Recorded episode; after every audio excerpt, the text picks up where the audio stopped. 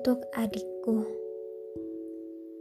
yang saat ini sedang tertidur di sebelahku, aku harap kamu akan mendengarkan ini, walaupun entah kapan waktunya. Kehilangan empat adik berturut-turut bukan perkara mudah buatku waktu itu. Apalagi bagi bapak dan ibu. Aku kecil selalu berdoa, "Ya Allah, berikanlah aku adik." Terus begitu. Aku kecil terus berdoa untukmu. Bertahun-tahun aku terus berdoa. Istiqomahku meminta diijabah 12 tahun kemudian. Dan mulai saat itu aku berjanji adik akan selalu kuutamakan.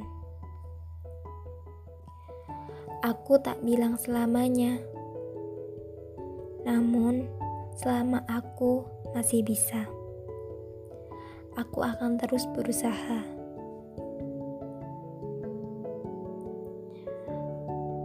Tumbuh dewasa, Dek. Merdekalah dengan semua pilihanmu sendiri. Tanggung jawablah terhadap apa yang telah kamu pilih besar nanti. Aku mengharapkanmu menjadi sesuatu. Sungguh, apa pun itu. Namun, kemerdekaanmu nomor satu. Asal masih di koridor yang diridhoi Allah. Aku akan mendukungmu sepenuhnya.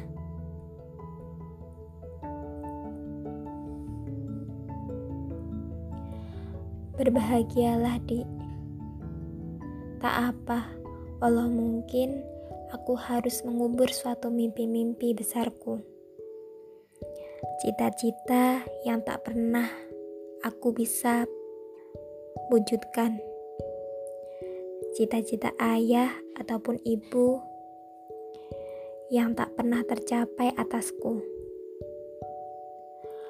Aku akan tetap belajar atas penerimaan-penerimaan yang harus aku lakukan. Kamu juga belajarlah dewasa dengan perjalanan hidupmu nanti.